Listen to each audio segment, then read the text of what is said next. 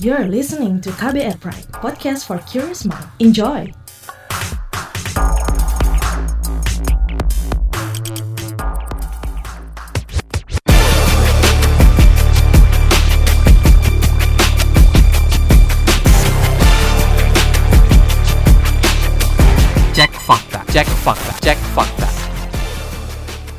Beredar video yang memperlihatkan mobil putih melaju di tikungan dan menabrak tebing dengan judul Detik-detik kecelakaan Vanessa Angel, rekaman kecelakaan di tol Jawa Timur. Video itu memperlihatkan mobil putih melaju di tikungan dan menabrak tebing yang diklaim sebagai rekaman detik-detik kecelakaan yang menimpa Vanessa Angel pada Kamis 4 November 2021. Bagaimana penjelasannya kembali bersama co-founder dan fact-check spesialis masyarakat anti fitnah Indonesia Mavindo, Ari Bowo Sasmito. Saya Don Brady menghadirkan topik teratas Periksa Fakta Mavindo periode 13 hingga 19 November 2021. Hasil periksa fakta dengan tingkat engagement paling tinggi pada akun Instagram at turnbackhoaxid. Podcast ini bisa Anda simak di kbrprime.id setiap Senin dan di aplikasi podcast lainnya.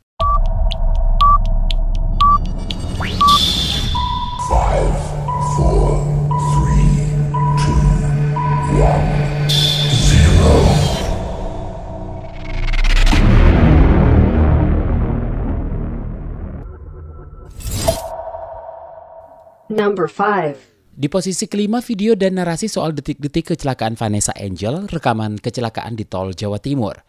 Kanal YouTube Winanda YT pada 4 November 2021 mengunggah video yang memperlihatkan mobil putih melaju di tikungan dan menabrak tebing dengan judul Detik-detik kecelakaan Vanessa Angel, rekaman kecelakaan di tol Jawa Timur.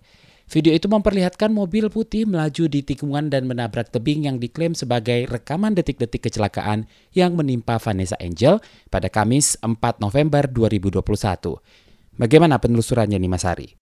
Peringkat kelima, hasil penelusurannya ini masuk ke kategori konten yang salah karena salah konteksnya. Jadi biasa untuk konteks yang salah itu pelintiran ada di 5W1H atau ASDI kampanye.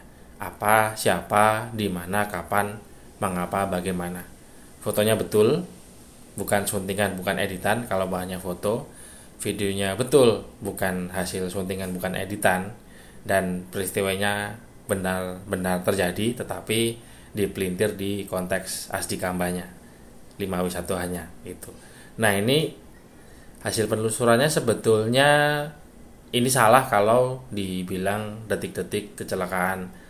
Vanessa Angel rekaman kecelakaan di tol Jawa Timur. Karena aslinya videonya ini rekaman CCTV pada Juli tahun 2015 di salah satu ruas jalan di Meksiko begitu. Dan dilihatkan di situ ada menabrak tebing begitu ya. Karena sebetulnya selain video lama yang tadi muncul di 2015 itu di situ diperlihatkan mobilnya menabrak tebing padahal mobilnya almarhumah Vanessa Angel itu menabrak median atau pembatas tol betonnya begitu ya itu. Selain di, dilihatin juga di videonya itu ada treknya itu berbelok padahal di lokasi kejadian itu untuk yang teliti ya harus dilihat dulu secara teliti soalnya itu tidak ada tebing dan jalurnya itu lurus bukan berbelok seperti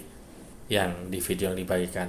Nah hal-hal seperti ini memang cukup disayangkan ya karena ya bahasa kasarnya itu kelakuan seperti burung pemakan bangkai begitu ya. Say sayang sekali di media sosial itu masih ada akun-akun orang-orang yang uh, sebetulnya memang ini sifat natural, sifat standar dari sebuah hoax atau pelintiran yaitu memanfaatkan peristiwa kejadian yang sedang trending karena itu sedang dibicarakan oleh masyarakat jadi orang lebih tertarik untuk membagikan begitu. Nah, sayangnya begitu masih ada kelakuan-kelakuan di medsos yang tidak bisa berperasaan begitu ya karena keluarga yang ditinggalkan oleh almarhumah Vanessa Angel itu kan masih berduka tapi mereka rata-rata masih ada saja akun-akun di medsos yang demi engagement, demi like, share, komen atau retweet kalau di Twitter atau kalau di TikTok masuk FYP misalnya itu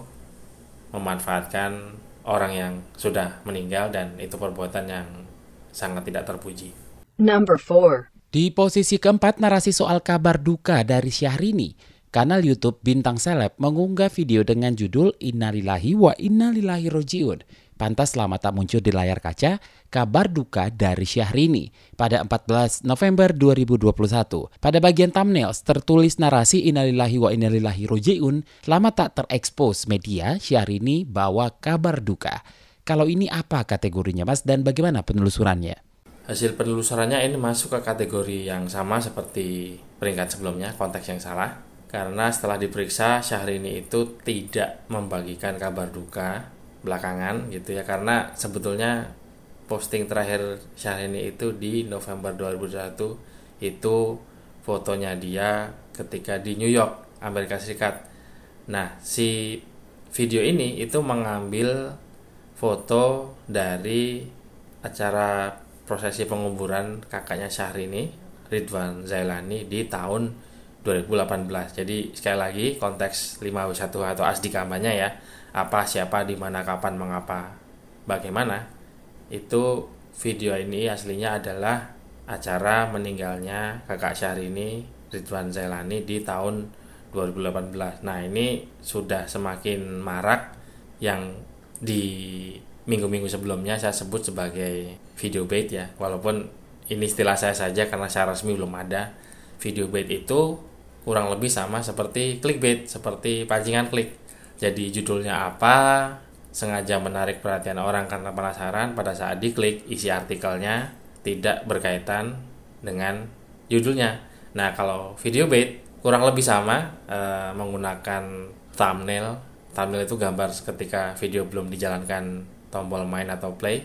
Jadi thumbnailnya itu sengaja mengambil dari bahan-bahan lain yang sekilas kalau dikait-kaitkan ya jadi berkaitan karena menarik perhatian orang begitu ya judulnya menggunakan judul yang heboh menarik perhatian orang. Nah pada saat diklik sama seperti uh, pancingan klik ya umpan klik clickbait. Kalau clickbait itu kan judulnya apa isi artikelnya apa. Nah kalau video bait thumbnailnya apa ada tulisan dan klaimnya apa. Tapi ketika video dijalankan isinya tidak berkaitan dengan thumbnail dan klaim yang ada di deskripsi dan judul videonya begitu. Jadi strategi seperti ini pokoknya yang penting yang punya video sudah dapat viewer dan sudah dapat keuntungan karena memancing rasa penasaran dari penonton di YouTube. Number 3. Di posisi ketiga, tangkapan layar soal Valentino Rossi menanggapi unboxing ilegal motor tim Ducati. Sebuah akun Facebook mengunggah gambar tangkapan layar artikel dengan judul menanggapi unboxing ilegal motor tim Ducati. Valentino Rossi, di Indonesia dana bansos aja dicolong. Soal ini bagaimana nih penelusurannya Mas Hari? Ini masuk ke kategori konten palsu. Nah, untuk konten-konten yang seperti ini biasanya bisa naik ke topik teratas, 5 topik teratas dalam seminggu karena masih ada saja yang berkomentar membahas motif misalnya ini kan satir ini sarkas ini lucu-lucuan begitu padahal periksa fakta itu bukan periksa motif apa pun motifnya ya pemeriksa fakta itu tugasnya memberikan fakta dan ada juga yang komentarnya itu maunya orang lain tingkat tahu atau tidak tahunya sama seperti yang si komentator mau gitu. Gitu doang nggak tahu ada yang percaya. Padahal ya tidak bisa kalau maunya semua orang tahu dan nggak tahunya seperti yang kita tahu atau nggak tahu gitu. Karena pengetahuan orang beda-beda karena pengalaman hidup dan tingkat pemahaman orang tentang dunia digital itu beda-beda ya gitu. Nah aslinya eh, hasil penelusurannya itu tidak ada pernyataan resmi dari Valentino Rossi berkaitan dengan kasus yang kemarin sempat ramai juga disebut uh, unboxing ilegal. Nah kalau dilihat di postingan akun Instagramnya Valentino Rossi itu yang ditunjukkan di situ adalah kegiatan yang bersangkutan ketika dia balapan berbalap gitu yang diposting itu selain balapan itu momen pensiunnya Valentino Rossi dengan sejumlah motor yang pernah ia gunakan karena kebetulan memang ini sudah masuk ke masa pensiunnya si Valentino Rossi. Number two. Di posisi kedua postingan artikel soal Jokowi pilih Andika jadi calon Panglima TNI. Akun Facebook bernama Sartimun memposting gambar tangkapan layar sebuah artikel dengan judul Jokowi pilih Andika jadi calon Panglima TNI.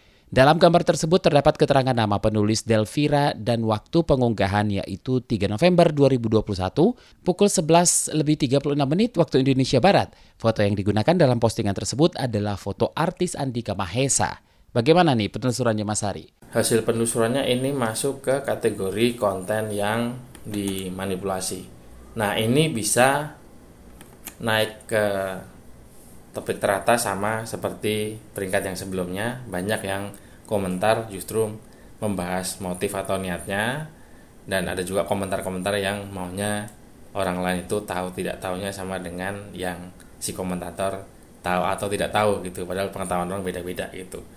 Nah yang suka nggak dipahami oleh mereka adalah kalau memelintir media kredibel dan di situ ada jam tanggal dan nama penulis itu kan berkaitan dengan nama baik si media kredibel dan si penulisnya begitu. Itu bisa merugikan. Dan ada juga yang tadi ya berkomentar maunya orang lain tahu nggak tahunya sama dengan yang mereka tahu atau nggak tahu atau membahas motif. Satir sarkas lucu-lucuan tapi di saat yang sama mereka juga bisa mengatakan bahwa jangan sampai ini nongol di WAG keluarga nanti bapak-bapak ibu-ibu atau uh, paman atau bibi kita menganggap bahwa itu benar gitu. Nah, sekali lagi pengetahuan orang itu beda-beda jadi tidak bisa diharapkan apa yang orang tahu atau tidak tahu harus sama dengan yang kita tahu atau tidak tahu begitu.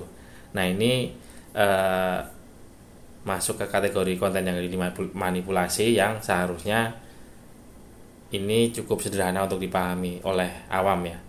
Ini salah karena hasil suntingan selesai gitu, karena cukup gampang, tidak ada pelintiran konteks ya, tidak ada pelintiran 5W atau arti gambar apa siapa di mana kapan mengapa bagaimana. Tapi yang sering membuat yang tipe konten yang dimanipulasi ini naik justru komentar-komentar yang bukan membahas tentang periksa faktanya tapi membahas motifnya dan maunya tingkat pengetahuan dan tidak tahunya orang lain itu sama dengan yang di tidak tahu atau diketahui oleh si komentator begitu.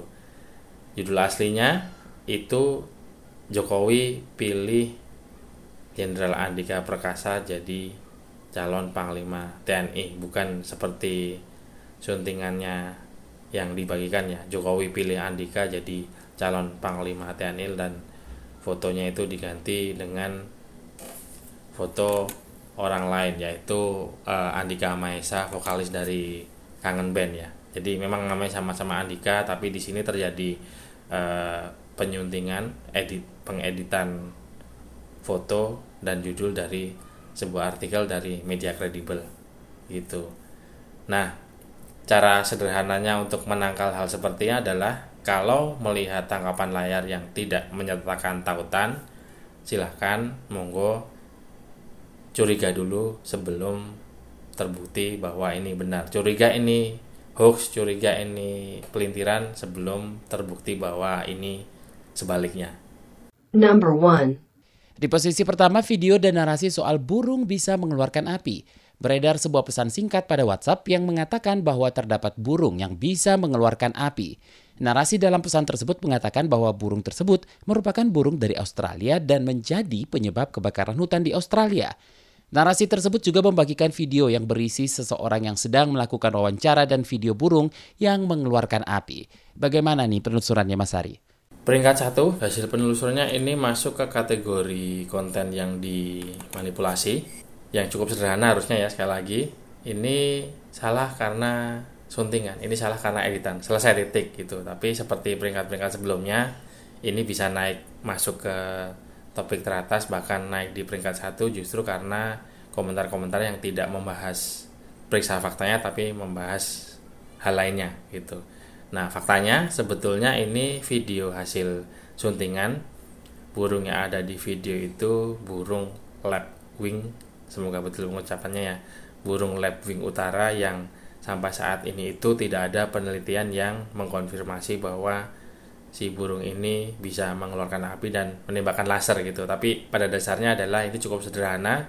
Ini konten hasil video hasil suntingan lalu dibagikan menggunakan narasi untuk menambahi pelintiran dari videonya. Nah, salah satu yang membuat orang mudah percaya adalah ini menggunakan narasi yang dikait-kaitkan dengan agama dan salah satu cara untuk memancing interaksi engagement itu adalah menggunakan bahan agama karena Indonesia ini adalah salah satu negara yang banyak penduduknya itu masih berorientasi kekeluargaan dan religius gitu makanya itu dieksploitasi untuk menggunakan bahan pelintiran agar orang gampang terpancing lalu membagikan. Itu dia tadi topik teratas periksa fakta Mavindo periode 13 hingga 19 November 2021. Hasil periksa fakta dengan tingkat engagement paling tinggi pada akun Instagram at turnbackhoaxid. Mas Ari? Selalu saya ingatkan, jaga emosi, tahan jari, verifikasi sebelum dibagi. Saya Aribo Sasmito, co-founder dan fact-check specialist Mavindo Masyarakat Anti Fitnah Indonesia. Terima kasih waktunya sudah mendengarkan. Wassalamualaikum warahmatullahi wabarakatuh.